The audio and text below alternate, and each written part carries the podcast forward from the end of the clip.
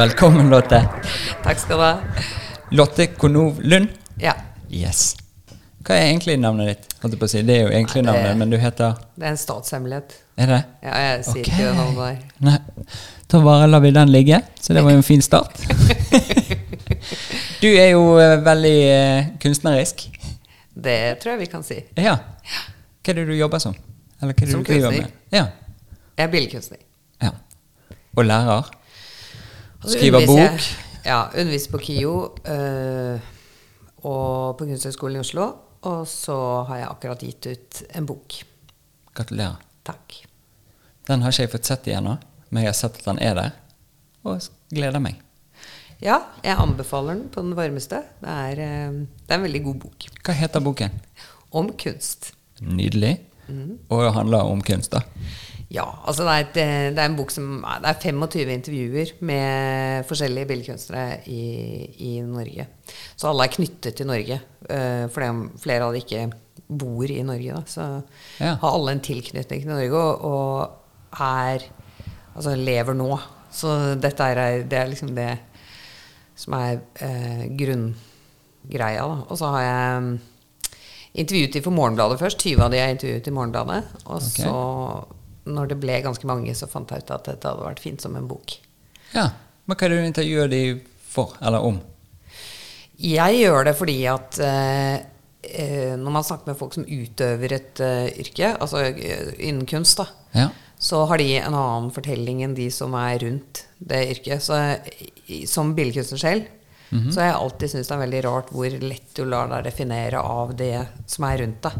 Ja. Altså, hvis du er musiker, så hvem forteller at du er god? Er det publikummet ditt, eller når du får en anmeldelse, eller hvem plasserer deg i et landskap, da? Ja. Og hvem sier at du har talerett, eller at du har, er, en, er liksom viktig, eller hvordan du hører, hører til i et system, da. ja. Så for meg så har det vært eh, interessant at når du begynner å fortelle kunstnernes egne historier, Ja. så får du en annen fortelling om billedkunst i det hele tatt enn når de som f.eks. skal skaffe seg en jobb, eller de vil gjerne ha sin egen status, eller når, når det er de som forteller historien om, om kunsten. da. Ja. Mens billedkunstnerne, de, de oppdager jo akkurat som folk som gjør med alle andre ting hvis du gjør et kunstnerisk yrke, men sikkert veldig mange andre yrker òg, at du begynner å nærme deg noe fordi at du oppdager en genuin interesse inni deg selv. Og så begynner du å sirkle inn det området, og så blir du mer og mer opptatt. Og det er veldig ofte små ting. Noen er jo opptatt av større ting, men veldig ofte er folk opptatt av ett lite område. Så det sirkler inn det. Og blir liksom mer og mer opptatt av et lite, et lite felt. Ja. Og så bruker de gjerne et helt liv på det. Det kan være f.eks. farver, eller det kan være hvordan en tekstil fungerer, eller Og så må jeg si at jeg er en person som ikke skiller mellom liv og kunst. Jeg mener at livet er like viktig som kunst. Eller det, er- det er ikke Det er uatskillig, da. Ja. Så vi lager kunst ut ifra hvor vi kommer fra, og det vi har opplevd, og de tingene vi bærer i kroppen. Ja. Så du, det tror jeg. Så på en måte det ja. Men det er jo veldig fint, da. ja, og derfor så er det veldig viktig at den historien rundt hva folk gjør, eh, også kommer frem. da. Ja. Altså rundt billedkunsten eller rundt det arbeidet de holder på med. Og hvorfor du liksom har blitt opptatt av det lille eller store området du er opptatt av. Så det blir som en sånn lappeteppe og et landskap over eh, norsk kunstliv i dag. Oh, Det er det den boken er. Det er spennende, da. Det er veldig spennende. Ja. Men det, ser du noe sånn samsvar mellom hvordan billedkunstnerne ser seg sjøl, og sånn som de blir sett? Eller eh, gjennom alle disse du har eh, intervjuet? Det er ikke akkurat noen hemmelighet at uh, ting her i verden går den veien at man begynner å se på alt som en mulighet til å tjene penger på det. Ja. Altså, jeg mener, sånn er det jo. Ja, ja, ja. Og jeg tror nok at veldig Altså det er jo øh, Det er veldig mange som, som plutselig er opptatt av kunst fordi at de ser at de selv Altså det, det laver seg, det bygger på seg, det blir større og større eh, som et sånt system. Eh, kunstnerne eh, de, altså, kunstnere ser på det på en annen måte. Noen av de opplever seg som del av et system, men veldig mange er jo bare opptatt av det de driver med. Ja. Så, eh, og det er helt fascinerende. Noen er veldig opptatt av politikk, men ikke nødvendigvis sånn kunstpolitikk, sånn at de liksom skal plassere seg i et kunstpolitisk om område, men at de er opptatt av f.eks. har kunst, Det er en kunstner der som er vokst opp i Palestina. Ja. Eh, jeg har flere som har vært flyktninger. Eh, jeg har noen som er opptatt av f.eks. tekstilens historie. ja. Eh, eller Altså det kan være så utrolig mye forskjellige eh, ting som folk liksom går inn i. Som, eh, som, som er helt annerledes enn de som sier at eh, du jobber med konseptuell kunst, så du hører til i det rommet. Og, altså, det, er ikke det, det er ikke det jeg mener, at man ikke trenger de menneskene også, som gjør det. Men kunstnerne har et annet språk, og, man, og jeg har villet si at det språket som kunstnerne har, det må også være fremme i det bildet når vi snakker om hva er kunst. ja. For det er liksom Det er der det kommer fra. Og der, hvis du skal tjene penger på det, så må du skjønne at først må det lages. Mm. Så hvis du skal leve av det, så må du skjønne liksom vilkårene til de som faktisk lager det, og hvordan de tenker, og hvordan de er i verden. Da. Så det er viktig for meg. Wow. Eh, Kommer denne som lydbok òg? Det tror jeg ikke. Du har en sånn god stemme. Du kunne bare lest den, den en dag. Ja, kanskje jeg bare skal gjøre det. Jeg syns jo, jo ideen om å lage lydbøker som, som er helt odde merkelige bøker, det tenker jeg av og til på som et kunstprosjekt. Det hadde vært veldig fint. Ja. Å bare sette seg ned og Eller oversette, gjendikte og lage som lydbok. Da. Jeg liker tilgjengeliggjøring av eh, materiale. Da. Det syns jeg er fint. Ja, det er fint. Eh, og det er jo sikkert kjempemange dyslektikere som hadde blitt helt eh, av skaftet av å få den lest inn i øret. Helt sikkert. Ja. Da har vi et prosjekt gående her, da. Ja, Ja. vi må Du kan være her på kjøkkenet mitt og lese. Ja, vi må sørge for at det blir et folkekrav. At folk eh, ønsker seg å høre samtaler med billedkunstnere. Ja. Eh, Men tid begynte du å bli kunstner? holdt jeg på å si? Er, du, er man født kunstner, eller Nei, jeg tror, altså, jeg tror alle er disponible på sin måte, da. Jeg har undervist veldig mange år. Og når jeg er på barneskolen, så har jeg hatt veldig mange rare opplevelser med lærere som har vært veldig kategoriske. Og liksom, hvis du skal bli det, kan de si. Spesielt for 25 år siden da jeg begynte å undervise. Ja. Jeg tror det er litt mer åpent nå. Og da husker jeg det var midt i den lille lørdag eh, hvor jeg var på en skole i Mandal. Og, og en lærer var veldig jeg vil si direkte kjip da, mot, mot elevene sine. Og så, du kommer aldri til å bli det eller det. Og så ser jeg, ser jeg Nå er det sånn at eh, jeg er sikker på at Harald Eier, da, for han er sosiolog Ja. At det var ingen som sa til henne at du kunne leve av å vise skrukken din, men det viste seg at det kan du, altså. Så på en måte så er det noe med den Jeg tror ikke, jeg tror ikke han er født til å vise skrukken sin, det er mulig, men han gjorde det i hvert fall til en måte å tjene penger på. Ja. Eller være Oslo-losen, eller altså ett eksempel av én million. Ja, ja. Men som kunstner så tror jeg at du, du Altså, jeg tror at du er disponibel for veldig, veldig, veldig mye. Og så tror jeg det kommer an på en slags egenvilje. Altså, det er ikke sånn at du kan si at det er enten født sånn eller blitt sånn. Jeg tror de tingene henger sammen, da. Så alle er egentlig født med en skrukk, og så er det bare om å gjøre om du vil bruke den eller ikke? Jeg har kvinneskrukk, det er jeg ikke sikker på, men i hvert fall alle menn Ja, for det er et lite område imellom der. er Ikke? Kan være det. Ja. Men jeg tror, jo, alle er født med en disponibel tanke til å bli noe kreativt. Det tror jeg. Men jeg tror at du må finne din måte å være kreativ eh, på. Og så må du Og så er jo spørsmålet eh, Kan man legge til rette for at mennesker skal Altså, Kan man legge til rette for at folk skal finne seg eh, eh, eh, den veien eller den veien? Jeg tror hvis du hvis du bor i England og, og, og, og du går på Eton fordi foreldrene dine har fått deg til å gjøre det, så er, du, så er sjansen større for at du havner i et, en del av eh, eh, det engelske systemet som er ganske høyt. Det Ja. er mye større hvis du har gjort det. Ja. Der er det jo veldig klassedelt. Men jeg tror akkurat det samme her. Jeg tror du kan utvikle og jobbe med din egen kreativitet eller din egne. Men for meg var det Altså, jeg, jeg var kjempeinteressert i det fra jeg var veldig liten. Ja. Og bare var ekstremt interessert i bilder. Dette var jo lenge før internett. Jeg er jo født i 67. Ja. Så jeg kunne sitte og se, bla i bøker. Altså, og se på, Jeg husker eh, liksom på skolen, så når læreren liksom spurte om kunst Jeg var jo den som Jeg var helt, jeg var helt sånn vill etter å fortelle alt jeg kunne. Å, så gøy. For jeg var bare kjempeinteressert. Jeg gikk på biblioteket hver dag etter skolen og bladde i bøker om kunst. Da.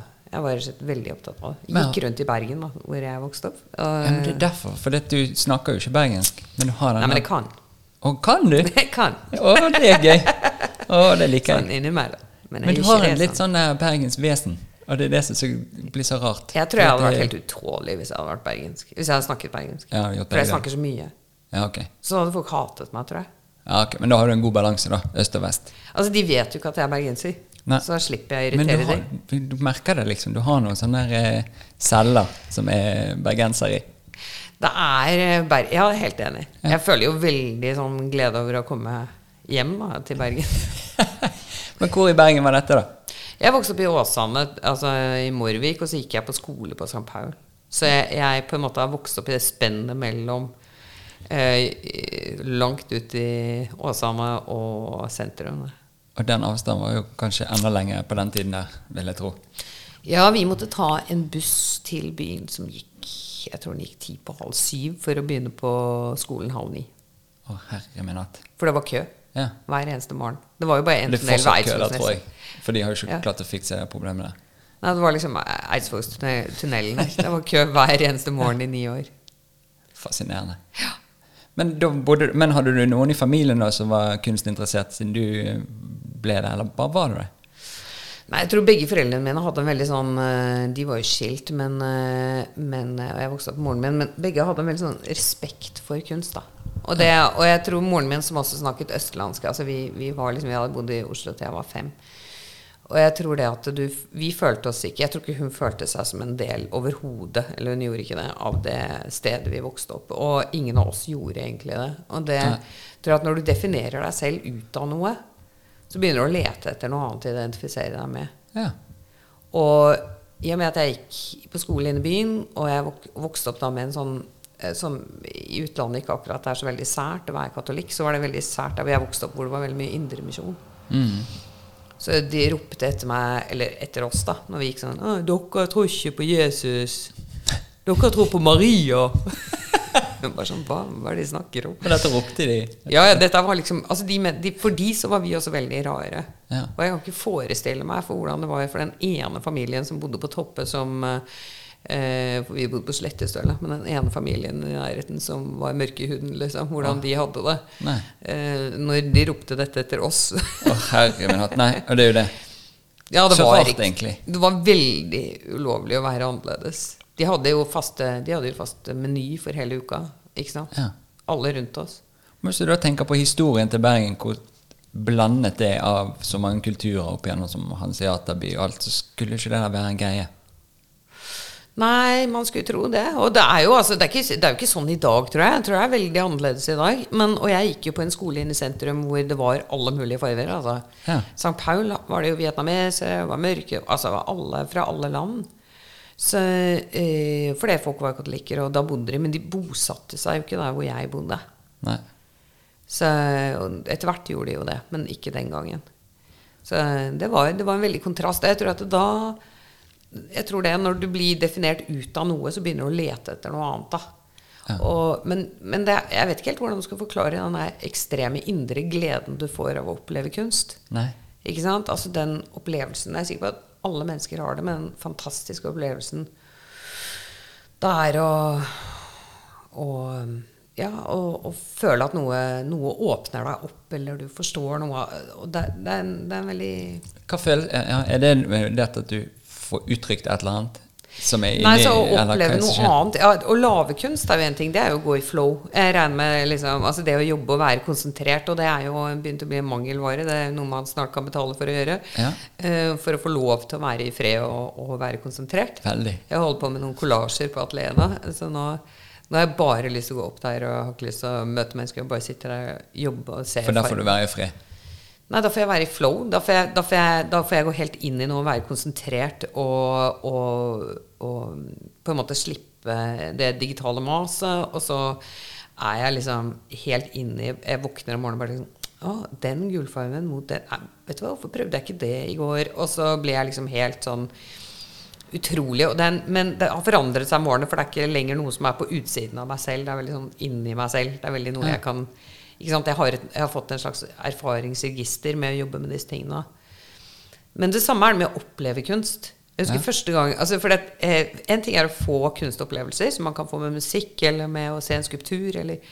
En annen ting er liksom at jeg ville oppleve kunst. Jeg ville forstå kunst. Ja. Så jeg husker så godt at jeg dro, dro til Paris. Jeg må ha vært 18 år. da. For nå skulle jeg, altså, jeg dro ut Paris. Jeg hadde lest en bok om van Gogh som het 'Han som elsket livet'. Den var ekstremt mytifiserende. Oi. Nå skulle jeg se det. Oi, oi. Jeg var helt sånn ah, Nå skal jeg oppleve kunst. Og så kom jeg inn i rommet, og så ble jeg veldig skuffet. Da, fordi det var på Det var vel på eh, noe som heter Dorsay. Et museum som heter Dorsay i Paris. Ok.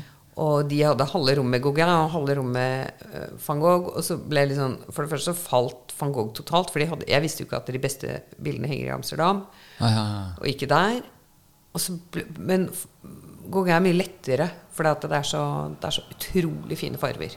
Okay. Veldig imperialistisk og ikke bra. Han dro til Tahiti og giftet seg med en 14-åring og sånn. Men, men, men veldig, veldig vakkert. Så det er veldig lett, da. Så dro jeg så etterpå så dro jeg så samme turen så dro jeg så Monets vannliljer. Og dette har jeg opplevd mange ganger. At jeg står der, jeg vil oppleve dette her, og jeg skal ha en kunstopplevelse. Og jeg sto foran de vannlinjene i sikkert en halv time, tre kvarter, og stirret intenst, og ingenting skjedde. Ingenting? Ingenting skjedde. Ingenting skjedde. Altså på en måte, Det ga ikke noe jeg, jeg, Nå har jeg vel lyst til å se det igjen, for jeg har ikke sett det siden. Men det er et sånt hus i, i Jeg tror det er sånn Tullerierhaven i Paris, hvor det er det huset. Hvor de henger de vannlinjene. Ja. Men eh, som er veldig kjente bilder av Manet. da. Og dette var jo de tingene moren min likte. ikke sant? Altså sånne, altså Impresjonisten er jo det vi vokser opp med, at folk sier impresjonistene. sånn, jeg var Ja. Og så begynte jeg å oppdage, oppdage samtidskunst, og det er mye mer komplekst. Det er mye mer sånn altså Den lange historien med moderne kunst, liksom, som er, som er en kjempestor verden med dødsinteressante ting. og Så samtidskunst er Det er det som er lagd samtidig. helt som, Det er det som er samtidig. Okay. Det som er nå. Ja. I vår samtid. Ja. Så, men samtidskunst regnes jo mye lenger tilbake. Det er nok ganske mange som man kaller samtidskunstnere er nå det. Ja. Fordi at det er liksom etter det man legger etter det moderne, eller fra modernismen og fremover, da, eller fra midten av forrige århundre, liksom. Så da ender det opp med å ikke være samtidskunst på et eller annet tidspunkt? For det, Ja. det er, for gammelt. Samtidskunst forflytter seg. Mm. Ja. Men da går de inn, da gir de det Da gir jo gode hjerner dette her, da, eller dårlige, eller hva kan du si, da gir man det en label. Så Ja. da, da klassifiserer man det. Da begynner man å legge det inn i bokser, på en måte. da. Ja, ok. Eh, Så Så det har da blir det litt. kunsthistorie, ikke sant? Ja. Ja. Og så skal det systematiseres, og, sånn at det er lett å Og dette her er jo noe av det mest interessante i kunsten. Det er jo hvordan vi mennesker kategoriserer ting. Hvordan ting, Når det er i samtiden, så er det litt sånn Altså hvordan vi snakker om ting som er akkurat nå, som er flytende. Ja. Eh, tenk bare på 22. juli, ikke sant? Hvordan vi snakker om det når det skjer. Mm. Og så må det plasseres. ja. Og så, Vi vet ikke hvordan vi skal plassere det. Men vi vet ennå ikke etter ti år hvordan vi skal på en måte deale med det i kroppene våre. da. Eh, og hvilken ord vi skal sette på det for at vi ikke skal få vondt når vi tenker på det. Ja. For det, og sånn er det med sorg, sånn er det med alt. ikke sant? Det må liksom plasseres. Og det, som, og det flytende der, det er jo på en måte likere kunstopplevelsen, da. ja. Ikke sant? Det at noe det får deg til å være i en fly... Altså, du, du vet ikke helt hvordan du skal ta det. Du, du vet ikke hvordan du forstår det. Og allikevel er det en del av deg som forstår det du ser. Ja. Du forstår sorg, du forstår 22. juli, du forstår smerten, men du orker ikke ta det inn over deg, f.eks. Eller det er ikke mulig å plassere det politiske med det. Og så går det liksom 20-30 år, så begynner man å skrive bøker om det, og så begynner man å liksom plassere det, legge det ned, putte labels på det. Si 'sånn var det', 'sånn var det'. Og så går det 20 år til, og så plutselig så sier noen 'det var ikke sånn i det hele tatt'. Så snur de om på alt. ja. Men det er sånn vi mennesker er for å lage virkeligheten vår. Da. Og det er der kunst kommer inn for å på en måte lage et skurr i forhold til det. Kanskje dytte dytte litt ja. på det. Si at du må aldri akseptere alt rundt deg hele tiden. Nei. For alt er menneskelagd. Ikke sant? Mm. Men når du da blir tatt ned og plassert Mm. fordi at vi skal eh, skjønne noe, hva er det vi egentlig Hvorfor gjør vi det? Altså Jeg skjønner at vi skal skjønne det, men hva er det vi må Nei, hvorfor, eh, hvorfor bare leve Altså, Det er jo det mest interessante i verden. er ikke? Hvorfor lever vi livene våre sånn som vi gjør? Hvorfor bare aksepterer vi Og det er jo derfor jeg skriver den boken, på en måte, for å si hvordan tenker kunstnere, hva er det de, er det de øh, øh, Altså, er kunstnere åpne? Jeg vet ikke, men, men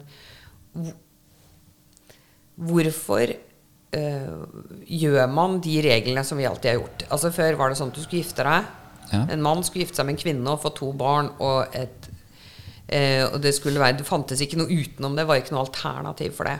Da kunne folk rope etter deg, i hvert fall. ja, dere kunne i hvert fall rope Dere ikke. Men, men, eh, men hvis du eh, Altså, Da visste man jo ikke at det fantes mange flere kjønn. Man visste knapt at det fantes mer hudfarger i Norge i hvert fall enn det det gjorde. Man ikke at det, man så ikke på samene som samfunnsaktører på den måten som man gjør på resten. Altså på en måte den måten eh, Og de tingene som vi kategoriserer, gjør vi jo for å overleve, tenker jeg. Det er liksom det vi gjør. Det er sånn mennesket er lagd. Vi prøver akkurat som maur å lage oss en liten maurtue. Ja. Og så bare si at det er sannheten, det er sannheten, det er sannheten.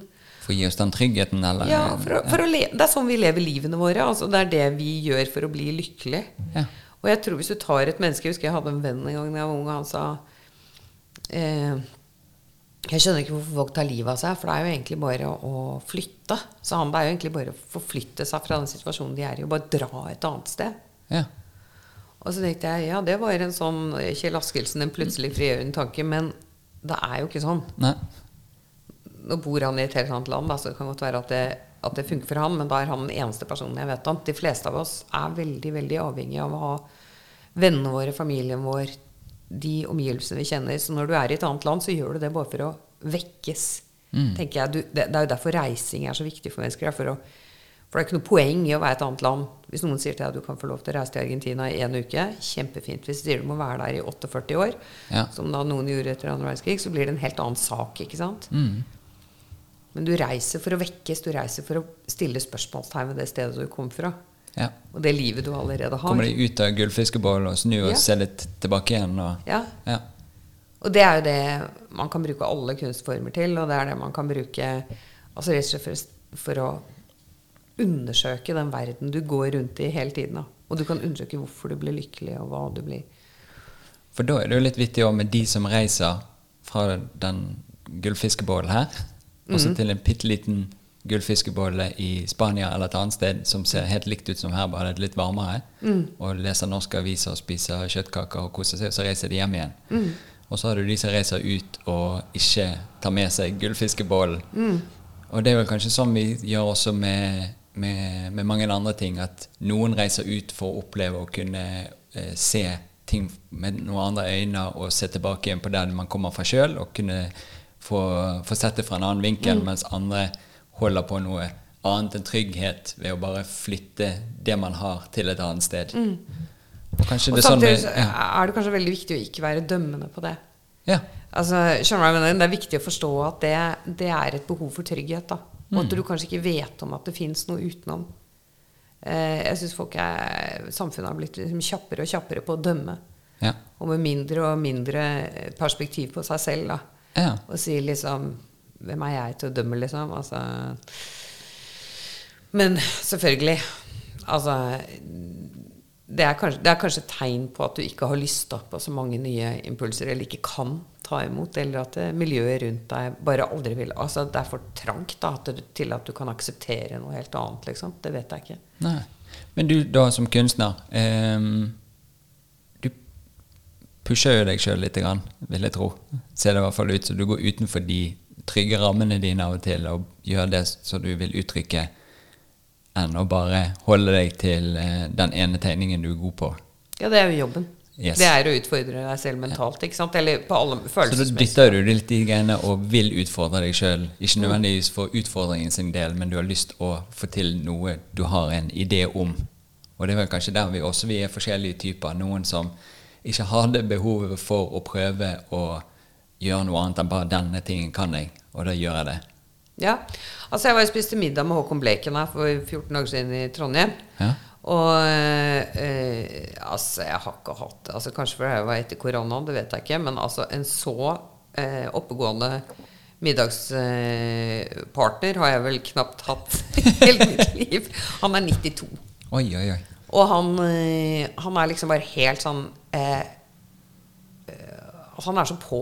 Han er så til stede. Og han er så eh, Han gir så mye, og er så interessert. Ja. Og det er fordi han har trent mentalt. Så i all denne treningshysterien som vi har rundt oss, da Nå sitter jo vi midt på Grünerløkka, og vi behøver bare se ut før vi ser liksom spredt rumpen over Birkelunden her. Bøyinger og tøyinger. Men trener de mentalt?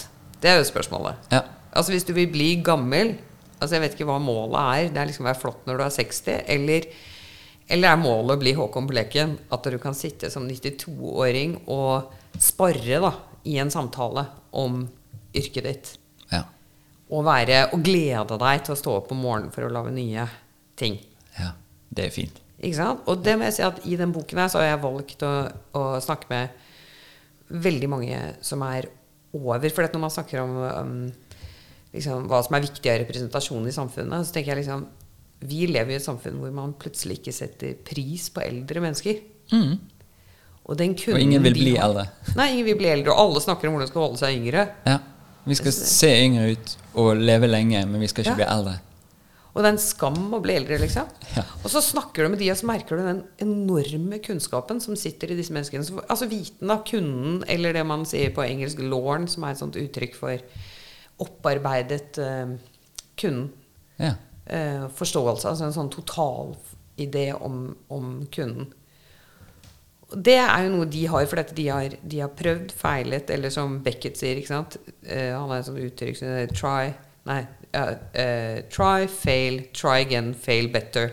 Ja. Det er et sånt kjent Beckett-sitat som er at du liksom, målet er aldri å bli ferdig. Målet er aldri å bli bra. Målet er forsøket, da. ja. Og de som har den i kroppen, som Bleken har, eller i dette tilfellet snakket jeg med en kunstner som het uh, Synnøve Persen fra, fra Lakselv. Altså en sånn samisk superkjent kunstner som er bare Hun har fått masse priser. Hun er liksom Men hennes erfaring er bare helt eh, eh, altså det, det er noe helt nytt for meg, noe helt annet. For hun ble jo fratatt foreldrene sine eller rundt, altså når hun ble født. Hun ble, ble, de ble jo tvangstatt fra foreldrene sine og ikke fikk lov til å snakke samisk. ja. Eh, de ble tvunget til å ikke snakke samisk. Blandet med kunst, hvorfor hun lager kunst, og hvorfor uttrykket er viktig for henne, og hvordan ord fungerer for henne på norsk og på samisk. Altså det, er bare, det er en så stor utfordring å forstå som norsk. da. Ja. At det liksom sprenger hjernen når du holder på med det, nesten. ikke sant? At du forstår liksom, plutselig får du en helt ny dimensjon til ditt eget land. ja.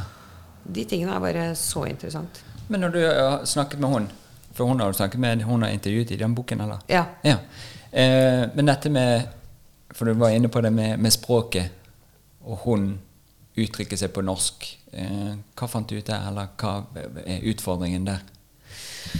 Eh, Altså, jeg må jo si at hun også er eldre, da, for det var jo poenget. At hun er blant de som er liksom voksne. Uh, nei, det jeg fant ut, var det at eh, hun er jo poet òg. Så hun er poet og billedkunstner. Og jeg bare døpte henne til dronningen, altså vår egentlige mm, Vår egentlige dronning. For Ja. the real queen. Men, eller the queen of the north, kan du vel si, da. Men hun hun eh, var bare eh, Nei, hun var ganske magisk. Jeg, sendte, jeg, jeg spurte om å, Vi gjorde første del av intervjuet i Oslo. Så spurte jeg sånn Kan vi ikke ta neste del over Skype? For du er jo ganske langt unna. Hun var liksom i Lakselva. Og så får jeg sånn tilbake, da. Så er jeg sånn Jeg liker ikke intervjuer på Jeg liker ikke Skype noe særlig. Skal du snakke med meg, så vil jeg sette pris på at du kommer hit. Åh, det og det var etter at pandemien hadde åpnet. Det går nå fly, fly direkte fra Oslo til Lakselv. Og så bare sånn, faen. Jeg får bare dra opp. Ja. Så mannen min og jeg dro opp, og så leide vi bil. Og så dro vi faktisk til I løpet av de tre dagene vi var der, så hadde jeg to dager med henne. Og så sa hun det at i morgen er det fint vær, så da må du kjøre til Nordkapp. Så kjørte vi langs Porsangerfjorden og helt opp til Nordkapp. da. Og da var det helt fantastisk sånn en gang hvert tiende år. Og så var vi alene på Nordkapp. Wow. Og det tror jeg knapt noe menneske har vært siden, oh, det ble, siden det ble kommersielt. da. Ja. Eller ble liksom en, en turistting. Så der sto vi alene vet du, på Nordkapp i strålende vær. Oh, så deilig. Og da gikk regnen over, liksom. Men det var fordi at jeg hadde ikke sett dette stedet. Og da forsto jeg plutselig at det å forstå henne, hennes språk, hva hun snakker om, det, det må knyttes til stedet. Og det var jo derfor hun ville at jeg skulle komme opp. Ja. Ja, for for det, alt dette henger sammen. Du forstår sammen. det ikke. Nei. Du har ikke mulighet til å forstå henne eller kunsten eller eh, dette at f.eks. å stå i butikken der og høre tre-fire forskjellige språk. ikke sant? For du hører russisk, du hører dette merkelige språket som eh, disse finnene som kom til Norge for eh, flere hundre år siden, og som har vært helt isolert. og bare, De snakker et type kvensk som ingen forstår. Så det er bare, og de er, de er der på butikken, liksom. Så du hører deres språk, du hører russisk, du hører samisk, du hører norsk. Ja. Og gjerne litt engelsk, for dette er jo gjenopprettet militærbasen her. Okay, ja. Så hun, når hun snakker om språk, så sier hun at eh, hun, når hun kom til Oslo eh, og var med på den sultestreiken for Altaelva, så, så var det veldig, veldig monoga... Altså, ja, er det, altså det, det var veldig sånn eh, Det var lite pluralisme i Oslo. Alt var veldig sånn ensrettet. Ja. Hadde bare ett språk, vet du. Veldig lokalt. Veldig. I motsetning til Lakselv, Ja. hvor man snakker opp Porsanger, da, hvor man snakker liksom masse språk. Og så er hun poet, og så forteller hun at det samiske språket er så rik, rikt, fordi at uh, Sápmi, altså deres land, er jo uh, er jo så stort og dekker jo så Altså alle nordiske land, ikke sant? Med Norge, Sverige, Danmark og, og Nei, ikke Danmark, men Nei, Norge, Sverige, Finland. Og Russland. Ja. Og sånt, at, sånn at når de snakker når hun, altså Samisk har så mange dialekter. Men når hun oversetter fra samisk, hun skriver på samisk og oversetter det til norsk, så må hun ofte ha enorme sånne eh, striper med fotnoter og sånn for å klare å gjendikte på norsk. For det er, et, det er et mye rikere språk på samisk. ja. Så det- ja. vi, vi har jo bare vært vant til å tenke på samene som et slags sånn ekstra folk i Norge, istedenfor å tenke på oss selv som det. ja. Det er jo, sant? Ja, det liksom vittig. Snu perspektivet på at liksom eh, Hele denne ideen nå om, om liksom at man skal rive monumenter og sånt, det, eh, altså, det er jo ikke vi som har sannheten, på en måte. Og det, det er det jeg mener, at alt er menneskelagd, og det er der kunsten kommer inn. da. Ja. Og det er der vi kan få hjelp da, til å forstå at det fins flere perspektiver enn det vi alltid sitter på. Jeg, ja, for dette tenkte jeg på i går. Og det er det at eh, språk blir jo på en måte Nei, jeg tenkte på det i hvert fall, så hørtes dette veldig bra ut. Men eh, språk blir jo på en måte for meg Det språket vi har, er lydene som skal forklare kulturen vår, eller hvordan samfunnet vårt er. Og så har vi klart å lage noen ord på ting, og så bruker vi et språk for et eller annet. Så det, hvis jeg da tar norsk og putter midt inn i eh, Sør-Amerika, og så skal alle snakke norsk, så blir ikke det det samme. For språket passer ikke. Fordi de har en annen kultur og har andre lyder og andre ting som må kunne uttrykkes gjennom språket eh, enn det vi har. Og det er derfor jeg tenker når eh, folk kommer til Norge og må lære norsk, som er veldig fint, så kan man også skjønne forvirringen og hvordan det også påvirker sin egen kultur og oppfattelse, fordi det er den måten du skal uttrykke deg på. Og dette vet du alt om som bergenser i Oslo. Ja. Eh, for det, er min teori, da, det at bergensere de klarer faktisk ikke å, å bli boende i, andre landet. De flytter hjem. Altså vi, men ikke jeg. For jeg er smart. Ja, du Jeg bare er- kjørte litt av begge verdener. Jeg, du jeg lur. snakker Jeg snakker østlandsk i Oslo istedenfor Kamuflert bergenser. for det, Hvis ikke så hadde jeg vært nødt til å flytte tilbake, tror jeg. Med min, uh, mitt, eh, fordi jeg snakker så mye. Ja.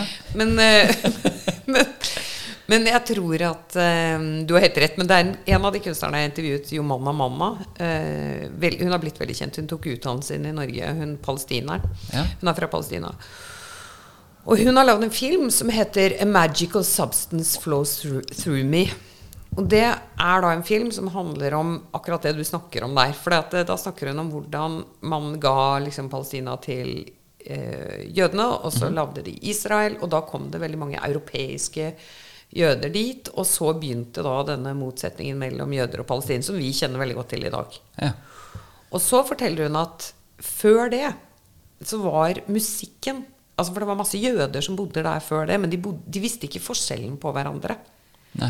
Og disse, da var musikken den bare Den ble et felles kulturelt uttrykk mellom jødene og palestinerne. Ja. Og da var folk naboer, litt sånn som i Irland. De var naboer. De, de på en måte Før religionen forteller de at de er forskjellige, så er de naboer.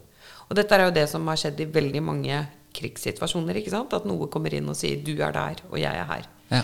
Så hun fulgte musikken og fulgte hun fulgte, Du ser det når du leser det intervjuet. Ja. Eh, da ser du den, hvordan hun følger musikken. Det er en fyr da fra Europa, en jøde, som kommer dit, og som er også, også veldig diskriminerende overfor palestinere. Men han anerkjenner at musikken har vært et felles uttrykk Ja. før, altså før Israel. Og at dette her, dette her er noe som da går på tvers av grenser, ikke sant? Musikken. Skjønner du? Det, altså, ikke, ikke språk ikke, Som du sier, da, hvis du fly går over grensen til Norge og Sverige, så snakker de jo svorsk rett over grensen, og vi Ja. snakker svorsk rett sikkert her. Men, men musikken, den felles, altså den kulturelle tingen da, som vi føler Og det er den hun liksom har gått etter og sett på liksom hvordan den forener, da, og ikke lager en, et, et skille. For du kan ikke stoppe musikk. Nei. Eller poesi, eller Eller eh, liksom Hun, hun, hun lager verk om disse tingene som er utrolig interessante. Altså. Så spennende. Mm. Ja, For det eh, Språk er jo bare lyder. Mm. Og det er jo bare lyder som skal eh, hjelpe deg å uttrykke hva som foregår inni deg. Eller hva du har lyst til å formidle til noen andre. Mm. Og når du da kan gjøre det gjennom musikk, f.eks. hvis et språk blir for fattig for deg, Mm. eller man ikke kan kommunisere for det er to forskjellige språk, så er jo musikk også bare noen lyder som man kan bruke til å, å kommunisere på, på en måte, og, og få uttrykket en følelse. Eller.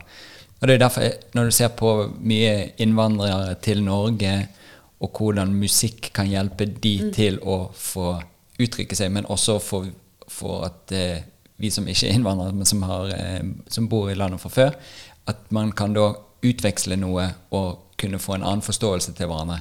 For det, det er noe vi kommuniserer som ikke er helt lett å ta på, men, men det er der. Istedenfor at man bare skal prøve å uttrykke seg med ett felles språk som kanskje for den ene parten ikke blir eh, riktig, eller et riktig filter for å formidle det man vil. Huh, var jeg inne på noe der? Ja, altså det er altså, ja, selvfølgelig. Og det tenker jeg er liksom hele eh, Er det ikke det kultur er, på en måte? At vi kan skape, og hvordan vi skal bygge opp under det? At du finner et felles eh, område, liksom. Så tror jeg musikk er mye mer sånn kroppslig, og deler av billedkunsten er det òg, men den har jo vært veldig veldig vestlig orientert, ikke sant? Billedkunsten. Snakker Reglene herfra. Reglene og, og også historien. Ja. Altså, det er ikke mange år siden det var en eller annen som hadde sagt at eh, Og det, det er det han veldig god på NRK som hadde sagt at, at det er ikke mange år siden det ble sagt at Afrika hadde ingen historie. Eh, altså, altså Det fantes ingen historie i Afrika eh, før den og den dagen da de hvite kom, eller noe sånt. Hvor du bare tenker Nei, det var jo eh, veldig Han høres jo i dag når man snur perspektivet, så hører man at det høres totalt idiotisk ut. Ja, ja, ja. Men når han sier det den gangen, så er det liksom de svarte hullene vi har i vår kultur i dag. Akkurat som med samene. Nå er det en dame som kom til Norge fra Spania, som har gjort for å vise den samiske kulturen. Altså gjort enormt de siste syv årene. Og det har jo gjort at plutselig har de blitt synlige. Godt hjulpet av Black Lives Matter og, og sånn, så har, blitt, så har samene plutselig fått en plass da, i norsk kunstliv. Men når jeg vokste opp, så var det samiske liksom innerst, bakerst. Eh, to eh, liksom små verk som var nedstøvet liksom i, i en enhver samling. Det var jo ikke tatt frem sånn som det skal være. Det er helt Å være en eh, del av det. merkelig, det greiene. Og de har jo vært her lenger. Altså Det er jo vi som er innvandrere da. Ja. Så Og vi som satte reglene for hvordan de skal måtte være. ja, ikke sant? Så det Helt perspektivet hele tiden. Så, men jeg tror, jeg tror musikk, tror jeg spesielt musikk, Ja. tror jeg eh, får mennesker til å forenes, da. Eh, mye større grad. For det du selvfølgelig også har kulturell, men jeg tror, jeg tror fordi det er så lett å glede seg over musikk eh, fra andre kulturer. Altså det går inn i kroppen din. Ja.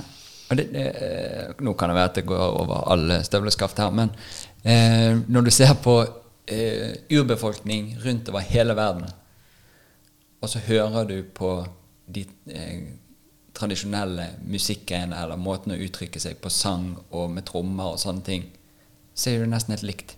Og de hadde jo Ja, ikke internett eller kunne nei. sende, laste ned Spotify eh, samisk der til et eller annet nedi der. Og det er jo superinteressant. Er For da er det folk på hele jorden som aldri har truffet hverandre, og så har de veldig lik måte å uttrykke seg gjennom musikk på. Mm. Og det tenker jeg det er jo helt vilt. Og det er jo kanskje sånn vi egentlig er. Og så har vi laget så mye regler og labels og båser at vi ikke skjønner det. At vi har en sånn Ja, felles så- greie. Og så glemmer vi det nå når vi snakker om liksom innvandrere. Man glemmer at verden er jo migrasjon. Altså verden har alltid sånn at Du ser det veldig godt innenfor billedkunst. Så ser du at ting har alltid reist. Ja. Altså hvordan man vever. Det er en som heter eh, Jeg tror det er Tove Pedersen Tuppen. Heter hun, blir kalt Tuppen. Ja, koselig. Eh, Ja, og veldig bra veverske. Altså lager bildevev. Og jeg tror det er hun som snakker om Det er to som snakker om sånn teppe. Jo, det er også eh, Jeg tror Siri Aurdal. To kunstnere som snakker om i den boken min om hvordan et teppe Det kom, vev, altså det kom folk fra Tyskland med noe man kaller kartonger, det man vever etter. Og det var faste kartonger for å fortelle en historie eh, om, eh, om eh, en bibelsk historie eller et eller annet sånt. Så kom, kommer de, og så dro de opp Gudbrandsdalen. Og så hadde de med seg disse kartongene, for de skulle lære folk å veve. Og så misforsto de, for de blandet det med lokale ting. Og Ja. dette er jo sånn kultur reiser, ikke sant? Ja. Og så blir historien en annen. Så de, det er liksom tolv jomfruer som venter på en brudgom, og de han skal plukke Og så plutselig så er det en helt annen historie. Ja. Det har blitt til noe helt annet. En, en arm forsvinner, kanskje to av jomfruene forsvinner, plutselig forsvinner gru, brudgommen. Altså, bildet blir noe annet, da. Ja. Og eh, det, det er på en måte kulturen, ikke sant? Det er jo sånn vi går videre. Og det er det som er fint, da. Og den ideen om et geni, for eksempel, da. Ja. Eh, Jeg leste et sitat i går av Simone de Beauvoir som er at eh, Helt enkelt, da. Som jeg syns var veldig bra, i en bok om Synnøve Anker Aurdal, hvor hun sier eh, eh, Geniet man, man er ikke født geni. Man blir geni. Ja. Og til nå så har dessverre ingen kvinner hatt forholdene lagt til rette for seg for å være geni. Men det kan du si om alle undergrupper. ikke sant? Altså, Ja. måte, det er jo, Hvis du går gjennom og ser hvem som blir kalt geni, så pleier de å ha et par ting til felles. Veldig. Ja. ikke sant? det- ja. To, I hvert fall to. Ja. Det, det, det, det, det er sånn vi har på en måte løst verden. Bestemt at det skal være. Ja. Og, ja, og det der er jo så vittig, for vi lager jo disse reglene og hvordan ting skal være. Så når vi også Dette tenkte jeg også på. Jeg tenkte mye i går, tydeligvis. Men eh, alle disse her eh, naturkrefter med tyngdekraft og svarte hull ute i verdensrommet og alt mulig, har vi mennesker funnet ut at vi skal lage en formel for å forklare, og så er det sånn. Og så viser det seg hele tiden ting endrer jo seg. Eh, formelen funket ikke lenger, men det var en veldig sannhet der. For vi har behov for å klare å, å forklare det, eller vi må kunne regne oss frem til et eller annet. Og kanskje det hjelper oss på et eller annet. Men jeg tenker jorden, kroppen, eh, hele universet driter jo hva ting heter og hva formler det er. For den gjør jo bare det den skal gjøre. Eh, og det er det jeg syns er så fascinerende, sammen med anatomi på kroppen. Sant? Det er fint å ha et språk og fortelle om det er en biceps, det er en triceps, det er ditt og det er datt. For det er jo fint å kunne ha et kart å, forholde seg til og kunne kommunisere. Men så virker det som det av og til blir litt snevert, fordi vi har disse navnene på muskler, f.eks., og det er de som gjør dette. Ja. Kroppen driter jo om den heter triceps eller hva det er. Den bare tar armen ut, og så gjør han det. Og det det er de konseptene der jeg tror av og til vi er så lur. At vi veldig, ikke lurer. da mister vi noe informasjon. jeg tror det er veldig vestlig. Veldig vestlig. Altså, jeg tror det er en veldig sånn En kultur som har oppstått, da. Ikke sant? Og jeg tror det er et veldig behov for det. Jeg tror også det er nettopp for å lage hierarkier, da. Altså I det øyeblikket du sier at du kan alle navnene på ting i kroppen, og jeg kan det ikke Jeg er riktignok dritbra på å massere, liksom, men, ja. og veldig Ja. bra på men, men det er du som får høyest lønn, og det er du som får bestemme når jeg skal komme på jobb, og når jeg skal gå, for at du kan alle navnene på det. Det er liksom et system vi har lagd for eh, Og det, det er det jeg syns er interessant når jeg snakker med kunstnere. For at de snakker om liksom dette med det, Hvordan kom du frem til det verket? Så spør jeg Elisabeth Haarre, da. Hvordan kom du frem til liksom, Hvordan begynte du å jobbe med eh, tekstiler over faner over 30 år? Nei, jeg så en film, eh, svarer hun da. Og så i den filmen så var det en som slo opp en dør. Oi. Og så var det en fane som hang i rommet der, og så sa den en klask mot veggen. Oi. Og det klasket det gjorde at hun jobbet med faner i 30 år. Altså Skjønner du? Ja. Det er noe med også, Hvorfor kan ikke det få lov til å være en del av verden og en del av historien? Ja. For hvis jeg var kunsthistoriker, så ville jeg si sånn Fanene kom som følge av Ja. klærne på Ja, ja. Tallene, tallene i Eller et eller annet. da, Ikke sant? Da vil jeg, komme med sånn, da vil jeg ha den forklaringsmodellen eh, som gjør at det bekrefter meg. ja. Og så snakker jeg med disse her, så sier de nettopp det. ikke sant? Altså jeg, jeg hadde venninne, og, og vi pleide å gjøre det og det, og da dukket det opp. Eller, eller at faktisk fire av disse kvinnene jeg snakker med, har, snakker om å ha mistet barna sine. Altså barn, eh, To av de snakker om, men to av de får, ja, ligger det bak. Veldig mange har fortellinger som ikke har den helt sånn soleklare liksom fra herfra til der. Eller det gjøres ikke på riktig måte, da. Ja. Det er sånn verden er. Og på en måte vil jeg lage noe som handler om verden. Da. Men jeg, jeg tror også det, det kan provosere folk da, innenfor kunst. For dette er på en måte det, det Jeg lager det jo på en måte som en fortsettelse av mitt eget kunstverk, ikke sant? Jeg er opptatt av kunst og andre kunstnere som følge av min egen på en måte kunstinteresse. da. ja. Og, og det gir også enormt tilbake til det å lage kunst. Til det å produsere Altså det å stå på atelier og lage ting, eller, eller liksom Ja, det syns jeg er viktig. Eh, bare interessen for andre. Men eh, det går ikke inn i den. Jeg er jo ikke kunsthistoriker. Og jeg er heller ikke kunstkritiker. Og jeg er ikke journalist, ikke sant. Så jeg skriver jo som en kunstner, da. ja. Men det er jo kanskje det fineste.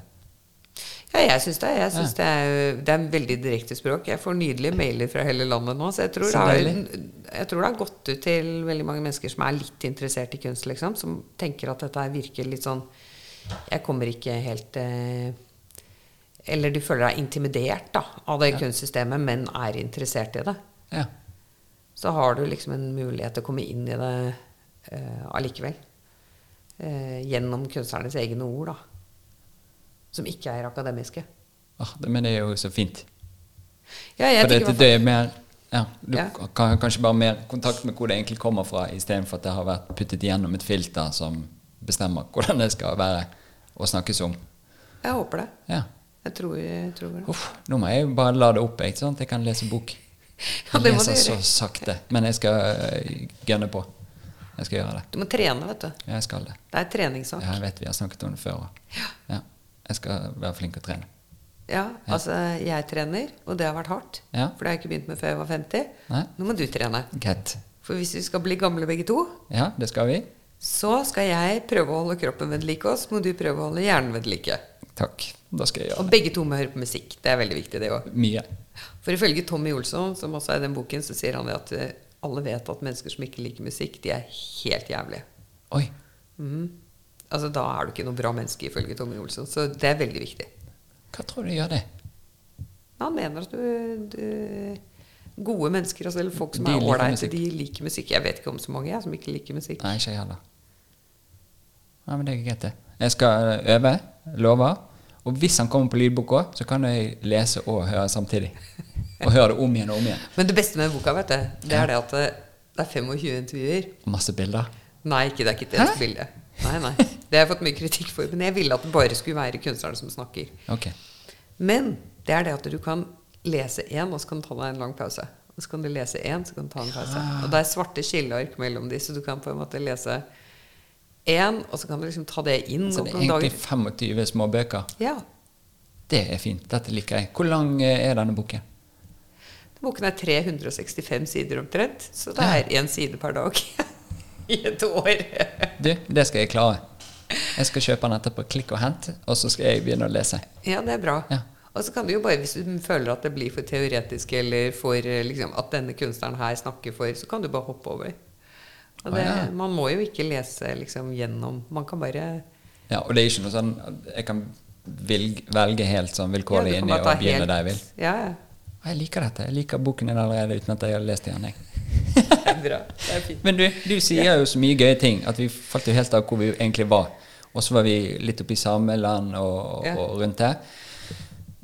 Er det så mange ting jeg har lyst til å vite mer om? Men hva fant du mer ut om samisk Du har jo sikkert visst masse fra før òg, men eh, kanskje du forteller meg litt om samisk kunst og kultur og litt sånne ting? Hva er det vi ikke har fått med oss, Altså, vi, jeg- jeg vi søringer? Ja, jeg visste veldig lite om det. Men jeg lærte jo en del om dette med Sápmi, altså hvor deres grense går, og hvor liksom eh, ned til eh, Hvor langt ned det går.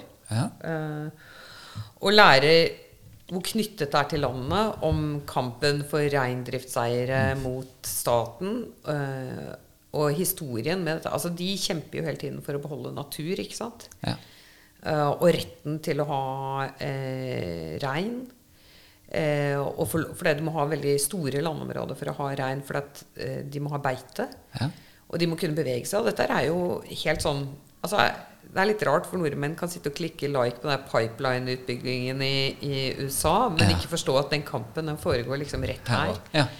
Eh, og det er stort. altså Kampen mot alt fra vindmøller til Dette er, dette er viktig, at de skal bygge ut landet til samene. Eh, bygge veier. Nå er det en ny riksvei sånt, som skal bygges der oppe, da, som, som er eh, Så jeg tenker bare at vi må være eh, Vi må være solidariske liksom, Ja. med de. Vi må ha Det er mange Det det er mange kamper på en gang i, nå med solidaritet, da, men kanskje vi skal først og fremst lære oss å tenke solidarisk med folk, og så Ja. skjønne at akkurat den her med den historien som er veldig interessant, da, som skrives om nå, med at samene skrives inn, Inn igjen. inn, Altså at, ja, at de får den plassen de egentlig skulle hatt hele tiden. da. Ja. Det er jo kjempeinteressant. Og det er en veldig han som var festspillestiller i fjor på Bergen Husdal, eh, han Joar Nango. Eh, han er utdannet arkitekt. ja. Han har gjort et intervju med nå, men han er ikke i boken. Men jeg gjorde et intervju med han for Morgenbladet. Og han har jo gjort masse Altså han virkelig eh, har en interessant historie å fortelle i forhold til det at da han tok arkitektutdannelsen sin, så var det en halv side om eh, om eh, samisk arkitektur. Oi. Og så var det liksom sånn det over. 3000 siders pensum, ikke sant? altså en halv side om samisk arkitektur. Så han ble så forbanna, så han har bygget rett og slett et bibliotek om urbefolkningslitteratur, og eh, som han da har lagd, som en sånn samisk bevegelig Det er en slags campingvogn med skigreier under, som da ja. kan reise rundt. Og der er biblioteket. ja. Og jeg husker ikke hva det heter. Det, det er noe sånt noe som Grigompi eller noe sånt nå heter det, som er altså, navnet på dette biblioteket. Og det, det stiller han ut igjen og igjen. Det kan reise rundt, men det kan også reise rundt i Sameland med dette her, men bevisstgjøringen om eh, hvordan deres arkitektur er nomadisk, altså flyttbar. Og verdien i det flyttbare, da. I det bevegelige, ikke sant? ja. I motsetning til det statiske. Og vi, altså det er utrolig viktig å lære av det, for det er liksom en respekt for natur og, og eh, en respekt for hverandre da, og for kultur som er helt annerledes enn hvis du drar på Løren. Veldig. Men det er jo vittig, for når du ser nå hvordan vi klarer å ødelegge så mange ting på denne jorden med forskjellige eh, ideer som vi har skapt, som vi tror var lurt, og så ser vi i etterkant det var ikke så veldig lurt, så er det jo f.eks. Eh, dette med regenerativt generativt eh, jordbruk og sånne ting. At vi kan ikke bare gønne på med én ting et sted. Vi må ha den symbiosen med, med noen dyr går her, og noe dyrkes der, og alle disse tingene her. Og det er jo det som er naturlig for samene med flytte reinsdyrene og la ting få gå rundt i sånn som det er laget med den eh, sesongen eller rytmen det skal ha, på en måte. Så det er jo Vi burde jo absolutt bare sett på hvordan noen gjør det, fordi de har gjort det sånn som det har vært kanskje tenkt hele tiden. Og så bare lære mer av det igjen, istedenfor at vi skal være denne statiske greien og mer satt. For det, det er jo ingenting i livet som står stille. Men er ikke det det du jobber med? På en måte at, altså på en måte du, i Sånn som jeg oppfatter det du jobber med, da, så er det at det er liksom sunn fornuft. At eh, man har, man har alle disse her eh, merkelige ideene om eh, hva man skal spise og ikke spise. Ja. Og så har man holdt på med det liksom eh, nå i 100 år, så har folk holdt på med disse, eller i hvert fall så lenge i løpet av mitt liv, da. Så man har holdt på med alle disse rare ideene om hvordan man skal bli pen og tynn. Og, og så er det litt sånn Ja, så har du f.eks. det å sove nok, eller Ja. å ta vare på seg selv ved å, å slappe av og være med andre mennesker. Spise helt den maten som er vanlig her. Fisk og poteter, liksom.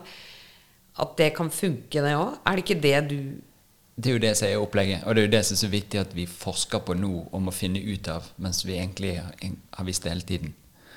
Og det er jo det som er yangshen, som er eh, hvordan ha et langt og fint liv i kinesisk eh, kultur. Det går mange tusen år tilbake, hele den, eh, den måten å gjøre ting på. Der er det jo viktig dette med det sosiale, eh, hva du spiser, men også hva tilstand du er når du spiser. Om du er, er glad eller fornøyd, stresset, alle disse tingene her. Eh, og det er jo et sammensurium av også med at ikke vi som mennesker er en egen ting, Vi er jo en egen ting, men vi er jo også en del av en hel klode.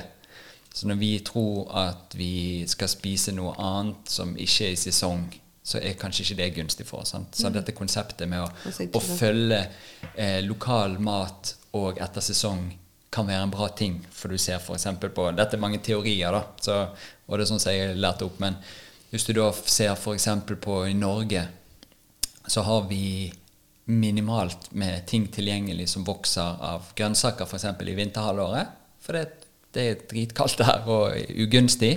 Og vi ser også hvis man ser på eh, kornslag og sånne ting som eh, veldig mange reagerer på negativt fordi at man får eh, intoleranser eller man har reaksjoner på korn, er fordi at man har dyrket frem kornsorter som skal klare å overleve i et klima det egentlig ikke var laget for å overleve i, og så må vi betale for det. Derfor er det kanskje noen i Sør-Europa der det er eldre kornsorter som tåler å være der fordi at de har et finere klima. Og folk som reagerer på kornet her, reiser ned der, og så har ikke de de samme reaksjonene. Sant? Så vi har jo prøvd, hele tiden prøvd å lure naturen med å tweake på ting. Tweake, hva er norsk ord for det? Jeg vet ikke. Justere eh, på ting. Og det er jo veldig fint, men noen ting har justeringen tror jeg, skjedd så fort at vi har ikke klart å henge med, og så må vi betale noe for det. Eh, så når du da kommer til eh, sommeren og sånne ting, og det er mer ting som begynner å vokse på trærne Fremdeles, tradisjonelt i Norge, så var det kanskje bare bær og urter og noen dritsure epler og noe greier. Eh, og så seinere på høsten så kommer søtere mat. Da ting modent. Det har mer eh, søtning. Så en av ideene og teoriene det er jo også dette at vi får søtere mat, og når vi spiser søtere mat, så lagrer vi mer til kroppen. Da legger vi på oss. Så da kommer høsten, så lagrer du, og så begynner du å gjøre deg klar for vinteren. For da er det tøffere tider. Men da har du begynt å lagre eh, matpakker på kroppen, fett, eh, til den litt tøffere årstiden, og så begynner en ny sirkel. Sant? Men vi drikker jo smoothier eh, på vinteren og frukter som ikke vokser her i det hele tatt, som kommer fra land som er kjempevarme, sant? som trenger de fruktene, for der er det kjølige. eller de trenger noe å kjøle seg ned med. Sånn. Og så har vi pasienter på klinikken som eh, ikke klarer å få på seg nok jakker, de fryser hele tiden, og så drikker de iskalde smoothier med frukter fra et land som skal kjøle de ned. Men det handler jo veldig mye også om denne ekstreme eh, fokusen på meg, på jeg, altså på individualisme, og på en måte at jeg må bli sett, jeg må være tynn, jeg må være Altså denne ekstreme jeg-kulturen som egentlig ikke gir noen følelse av jeg allikevel, da, tenker jeg. Eh, Ja, det var jo kanskje- veldig sånn. Ja, men det blir så fokus på jeg at du, du mister det litt. Du kommer for langt fra det, kanskje. Mm. Men hun Jumana Manna, det må du også lese det intervjuet, for det hun snakker jo om det. Hun snakker om frøbanken. Om eh, Ja. uh, problemet med frøbanken. Fordi at uh, når Syria, ikke sant, før krigen i Syria så, Altså hun snakker om at det viser seg at når et tre mister frø?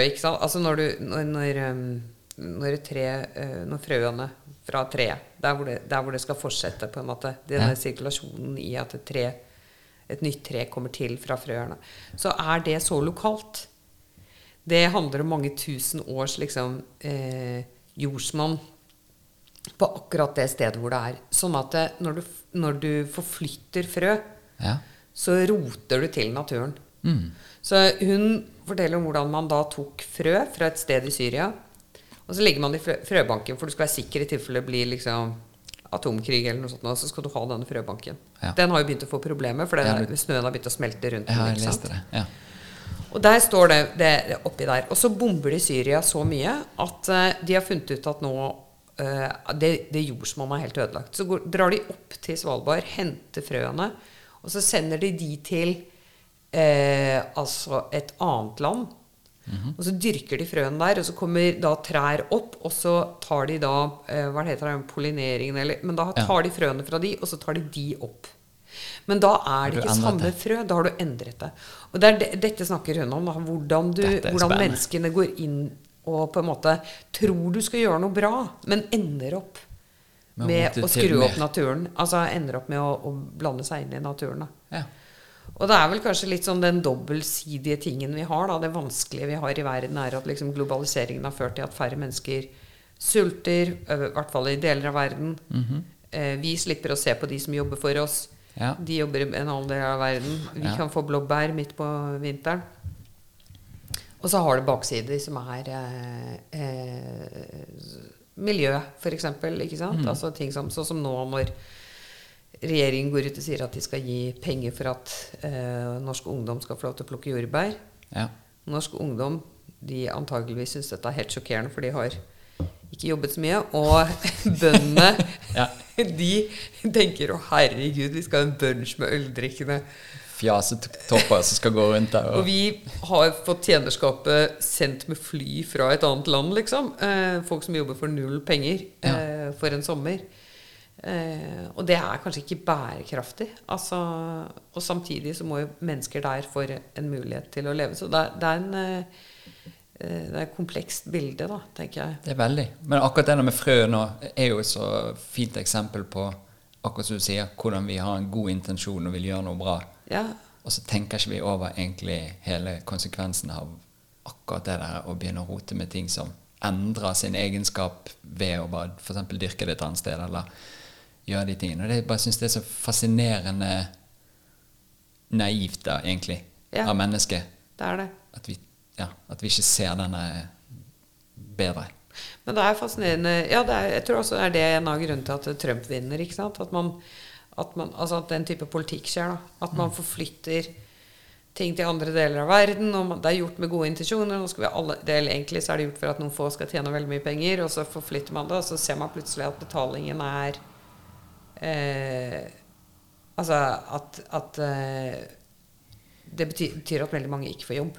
Ja. Så fattigdommen øker der. Og så plutselig har du en forskyvning i dette systemet man har, som blir veldig stort. Og så skjer det at vi får en, en gal mann som eh, president i USA, liksom, som følge av eh, den politikken som har vært ført tidligere, da, hvor alle skal, alle skal tjene penger. For jeg tenker også den forrige administrasjonen har vært med på å forflytte alt til en annen del av verden som skal gjøre det mye, produsere ting mye billigere. da Ja.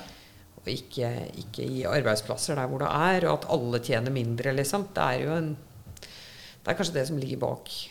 Et, et sånn kombinasjon av et bedre Et ønske for å gjøre noe bra, kombinert med at noen tenker at jeg skal tjene veldig mye penger. Oh, det pleier jo som oftest å ligge en liten sånn intensjon bak, baki der. Men det er jo det vittige denne med at vi vi, eh, vi beliter oss ikke. Ja, bergensk. Eh, vi godtar ikke at eh, naturen har sin rytme og sin måte å jobbe på. Og så skal vi prøve å jobbe imot med å pass, putte inn våre regler som ikke stemmer. Og så blir det noe krøll. Og, vi, og det er akkurat som vi Eller i noen tilfeller så virker det som at vi ikke godtar råheten til naturen. Det vakre, det fine og alle disse tingene her setter vi pris på og ser. Men også hvor rått det egentlig er, og hvordan dette samspillet mellom natur og alle disse tingene fungerer, og, og alle disse greiene her.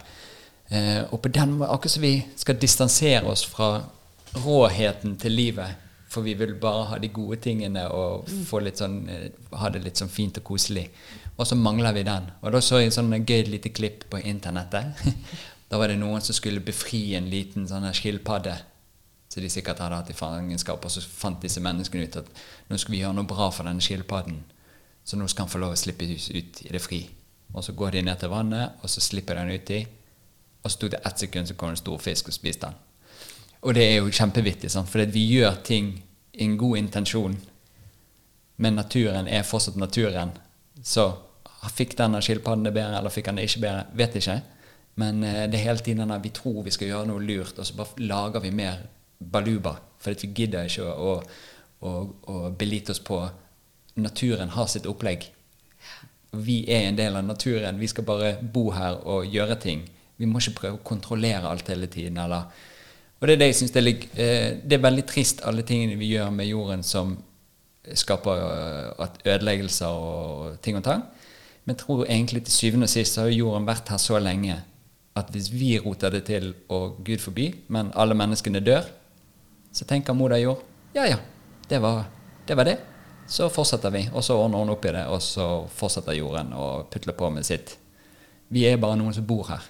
Et lite lag med noen irriterende typer som går og roter det til. Det er en trøstende tanke. Ja. Ehm, Hva er det vi snakker om nå, egentlig? Det gikk jo helt av eh, hengselet, dette her. Men det, er det mm, Du var i Bergen. Jeg skal bare hente den tilbake, for det var der vi glapp litt. Ja, Eh, og det er jo en time siden. for du redigerer dette. Ikke sikkert det. Vil du det? Nei, men jeg tror at det kan bli litt slitsomt for folk å høre på. Men det er opp til de. Oh, ja, ja, Ja, det er det. Ja. Så da er dette med òg, det vi sa nå. Det er sånn jeg liker det. Men eh, i Bergen så reiste du til Paris og så på den utstillingen og ventet på den der eh, følelsen av kunst som du skulle ha, som ikke du fikk. Når var det du fikk den? da? Nei, altså jeg tror nok jeg hadde opplevd den før det, men, eh, men eh, eh, Det er erfaring å se på kunst òg. Altså, det er jo erfaring å bygge seg opp det å Og så tror jeg egentlig ikke at det, den følelsen skiller seg fra en samtale med en annen person. Der blir nok, skiller nok jeg meg fra veldig mye ideer innenfor kunst. da. Jeg tror ikke det for eksempel det å ha en samtale med deg som åpner opp noe, eller å gå til en behandling hos deg og få en fantastisk behandling som gjør at man eh, får det bra med kroppen sin når man går ut, liksom. Jeg tror ikke det skiller seg fra en kunstopplevelse nødvendigvis. Altså jeg tror, jeg tror at livet er det livet er, da. Jeg er jo her på jorden, har den tiden, og så er det liksom eh, men, men det som kan skje, er at du, du i perioder er mye mer åpen, og at noen verk åpner noe hos deg. Og det kan være alle steder på kroppen. Du kan se et konseptuelt verk som får deg til å tenke på noe. Ja. Eller du kan møte et ekstremt sanselig verk som du ikke forstår hvorfor kroppen din reagerer sånn og sånn på. Vi reagerer jo på en farve. Vi reagerer jo på en overflate. Vi reagerer jo på å se kombinasjonen av noe som får oss til å tenke samtidig som du får en følelse i kroppen. Ja. Og så eh, tenker jeg at det er det viktigste. da. Det er på en måte at jeg får disse opplevelsene av å se på kunst. Eh, jeg syns at livet går utrolig fort. Ja. Og så skal jeg dø, liksom. Så jeg vil ha med meg mest mulig av dette her. Dette gir jo meg enorm glede.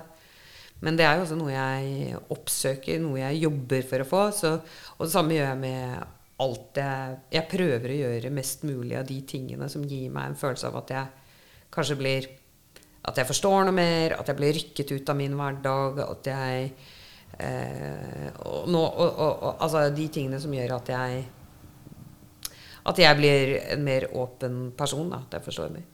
Ja. Så jeg pleier å si til studentene mine hvert år at når du fyller 40 Før du er 40, så er du helt naturlig kul.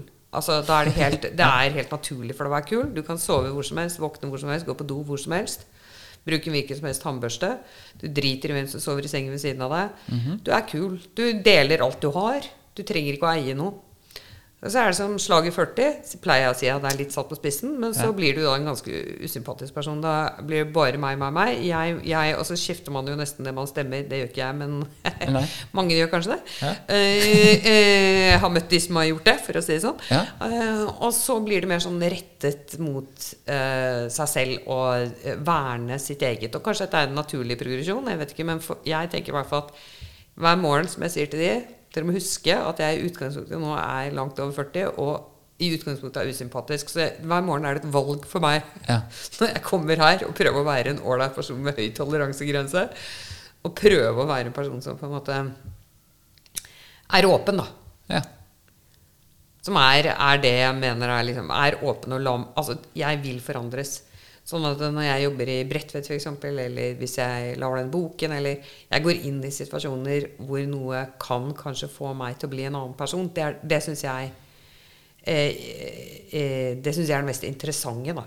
Ja. Og så er jo det viktigste er jo hvis jeg gjør noe bitte, bitte, bitte lite i verden som gjør at andre mennesker kan åpne noe eller få Og at jeg ikke er viktig, men at det er en, en, en del av en helhet, da. Mm. Det er det jeg tenker er liksom min ideologi for det jeg gjør. Jeg er ikke så interessert i å være Jeg er kanskje ikke interessert i å være altså Alle sier jo 'du er veldig mye' Ja. hele tiden til meg. Sier det? Ja, jeg er veldig mye, jeg er veldig mye som person. Altså, Ja. hallo, jeg, jeg er dame òg, liksom. Over 50. Ja. Så jeg er veldig mye. Og så tenker jeg liksom Ja, so be it, liksom. Sånn er det bare. Men, men eh, jeg tror ikke at kunstnerisk at jeg tar veldig altså, Jo, det gjør jeg sikkert òg, er mye plass der òg, men jeg tror ikke jeg, jeg, tror ikke jeg, Det er ikke sånn at jeg er opptatt av en superstor internasjonal karriere. Jeg er opptatt av nettopp det å gro det plante det treet her, da. Ja. Sånn akkurat der hvor jeg er. Og så prøve å gi mest mulig til flest mange. Altså, at det er ideologien, er en form for humanitet, da. Ja. Det er det jeg ønsker at det jeg gjør, skal innebære. Og at jeg skal være interessert i andre og på en måte underlegge meg det andre gir meg, og ikke alltid være opptatt av at det jeg lager, skal dyttes på andre. da. Det er At det er en, det er en bytteting i verden, på en måte. Eller en, vi er en del av en sirkulasjon. da. Ja. Det tenker jeg er uh, utrolig viktig for meg. Og hele, hele tanken bak alt jeg gjør. ja. Og det er jo sånn jeg også ser på deg også, for at du er der ute og vil få kontakt med ting. Eh, da når du for eksempel eh, Jeg har sneket litt, men når du satt eh, vakt på, eh, på Botanisk hage, Mm. så var jo det en, en fin greie. For da, hvis jeg husker riktig, så var det Hadde ikke de vakter der? Nei, at de hadde ikke penger til det. Mm. Og så gikk du inn og ville gjøre dette gratis. Mot at du fikk lov å tegne der, og Mm. at noen holdt et lite foredrag om en blomst hver dag. Eller stemmer dette? Mm. Og det viser jo også bare denne ideen din om at eh, det er ikke meg, meg, meg hele tiden på en direkte måte, men du har lyst til å være i noe og er veldig åpen har lyst til å få inn og lære og ja, se Det er i hvert fall målet mitt, da.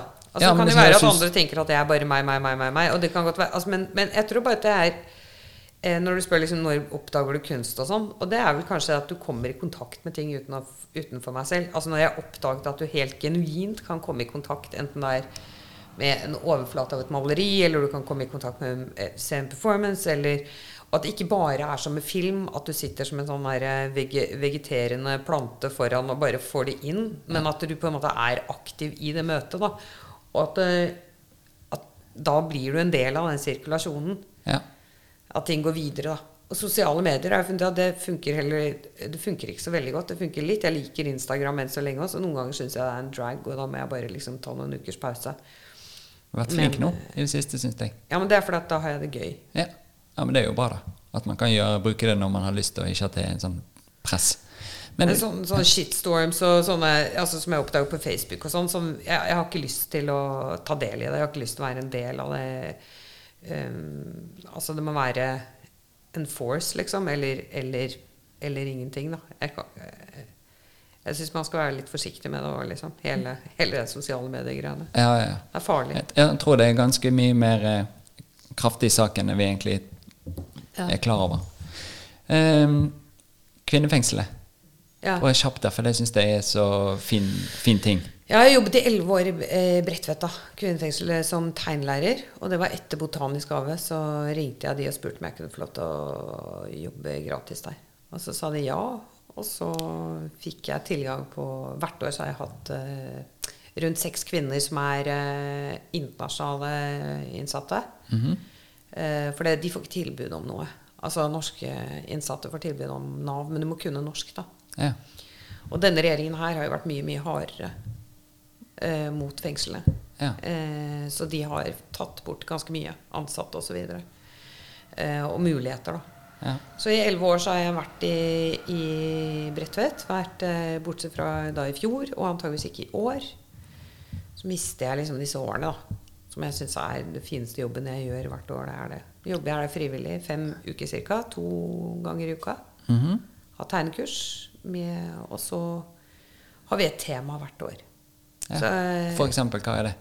Veldig enkelt, for du har jo folk eh, på alle nivåer. Så du har folk som ikke har gått noe skole, ikke kan skrive sitt eget navn, til folk som har en universitetsutdannelse. Det er ikke så ofte, da, men du har i hvert fall folk som har gått skole. Ja, Da er det temaer sånn What is beautiful? What do I miss?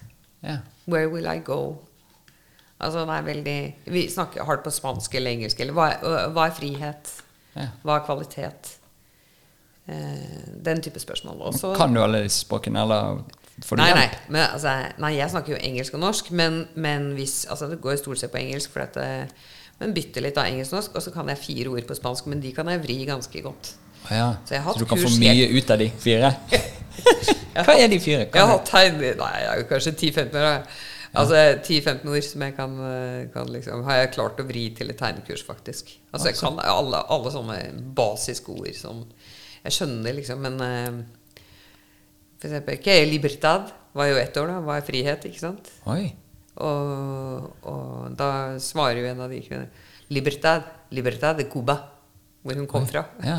Frihet er Cuba. Ja. altså, det ligger det jo veldig mye da, ikke sant. ja visst.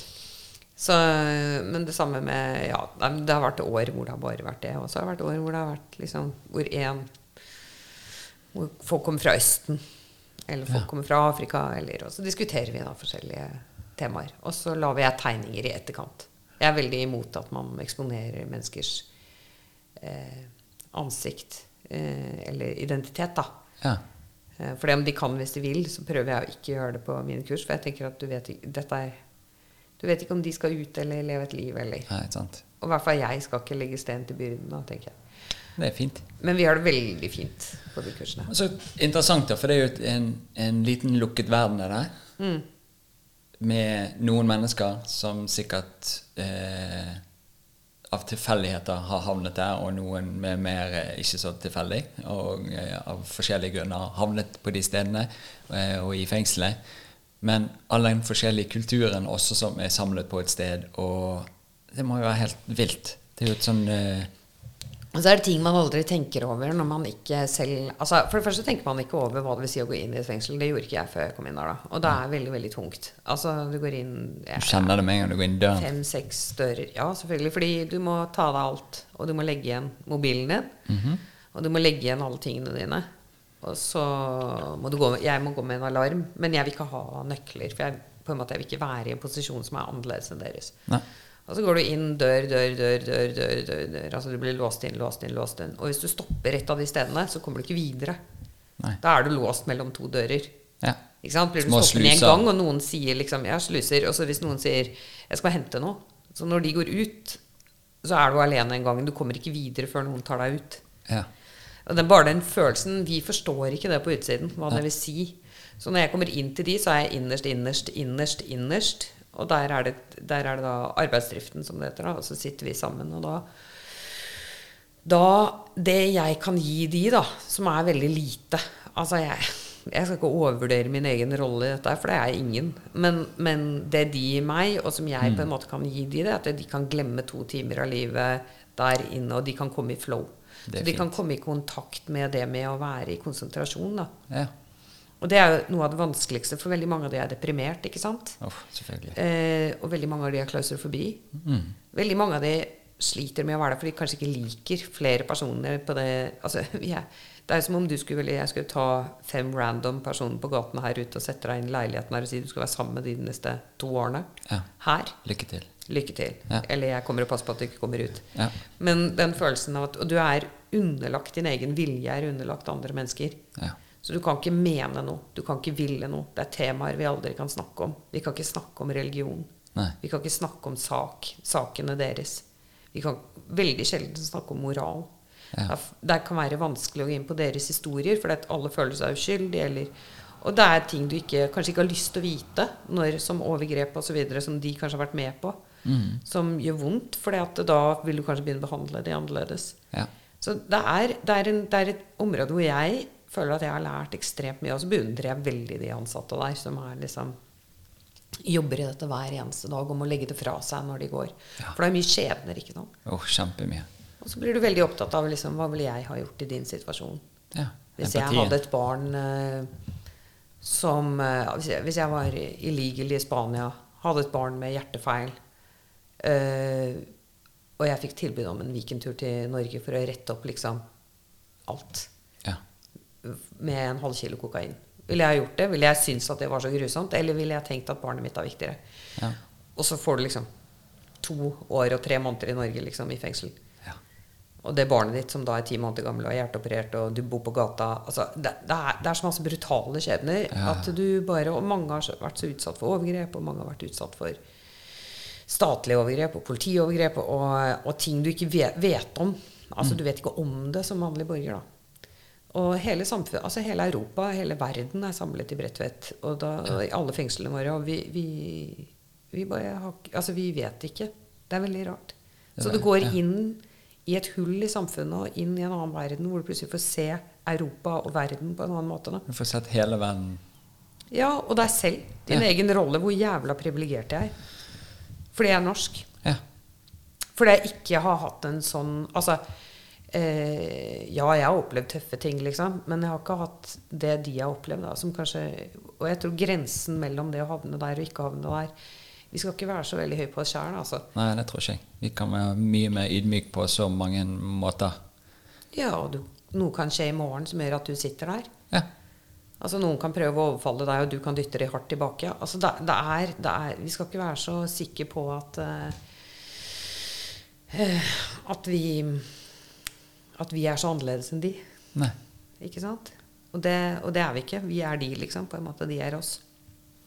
Og så har jo, Et av intervjuene i den boken handler jo Det er Ester Bjørneboe, som er eh, rettstegner. En av Norges, eller kanskje Norges mest kjente rettstegner. Ja. Og hun snakker masse om det. For hun har vært til stede i, i, i de siste er det 17 årene i de viktigste rettssakene. 22. juli, Ok.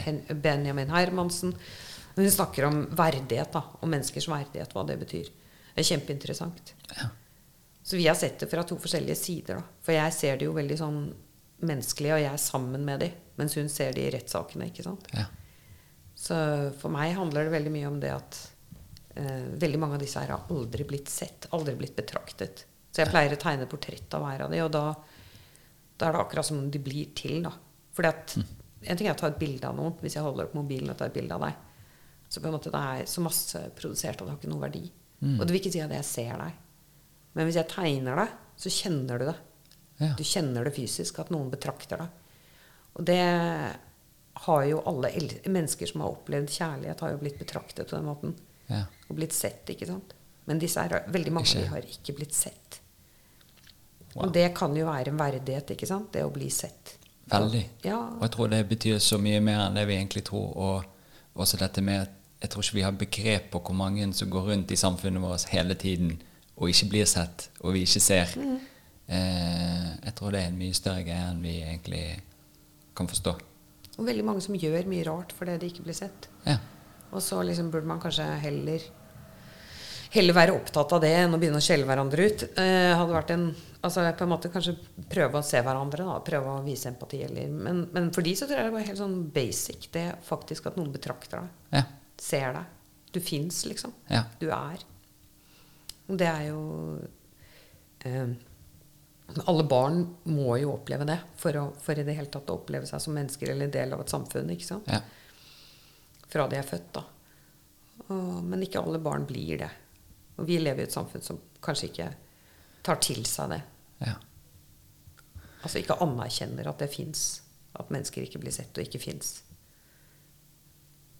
Da er jo det sinnssykt viktig at vi kan eh, ha måter å la folk bli sett på, sånn som du gjør med, med tegningene og alle disse tingene. Men også at flere folk kan bare få ideen. For når vi har eh, en idé om noe, så kan vi gjøre noe med det. Hvis vi går rundt og ikke skjønner at mange ikke blir sett, så kan ikke vi gjøre noe med det. Men hvis vi kan spre budskapet om at flere er nødt til å bli sett, for det er en viktig greie for oss, så kan jo folk begynne å gjøre noe. Og der, der, der kommer du tilbake til det samiske igjen. ikke sant? Altså det er det med å oppleve i generasjoner da, at du ikke fins i samfunnet, ikke fins i politikken. Ja. Som folk, da. ikke sant? Og at du har mindre respekt enn andre mennesker, og så plutselig blir du sett. Og det er nok mange undergrupper som har det sånn. da. Men vi, vi må bare Altså mm, Jeg opplever jo ikke at jeg har det blikket som er liksom det nullpunktet i samfunnet. Men jeg, men eh, jeg opplever at jeg har noe blikk til å kunne gjøre noe. Så alle må jo på en måte ta ansvar for seg selv nå, tenker jeg. Ja, absolutt. Altså for hvem du kan løfte, hvem du kan vise. Oi. Du, Ja. dette var helt Jeg tror vi må ha flere timer å gå gjennom alt vi har snakket om nå, for dette, det var en veldig fin prat. ja, det var veldig, veldig hyggelig å snakke med deg. I like måte. Og det jeg tenkte, vi kunne jo snakket mer om eh, kunst og helse. Kanskje vi kan gjøre det i fremtiden en gang? Mm. Det kan og vi bare snakke om det. For nå var det så mye uh, veldig fine ting som vi snakket om da. Så jeg ble jo helt satt ut her. Så jeg vil bare si tusen takk for at du kom. Ja, Det var veldig, veldig kjekt. Og så skal jeg trykke på knappen som er outroen. Og så kan vi ikke snakke på en stund og tenke over alt som har skjedd. Så må jeg si tusen takk for meg. Ha det.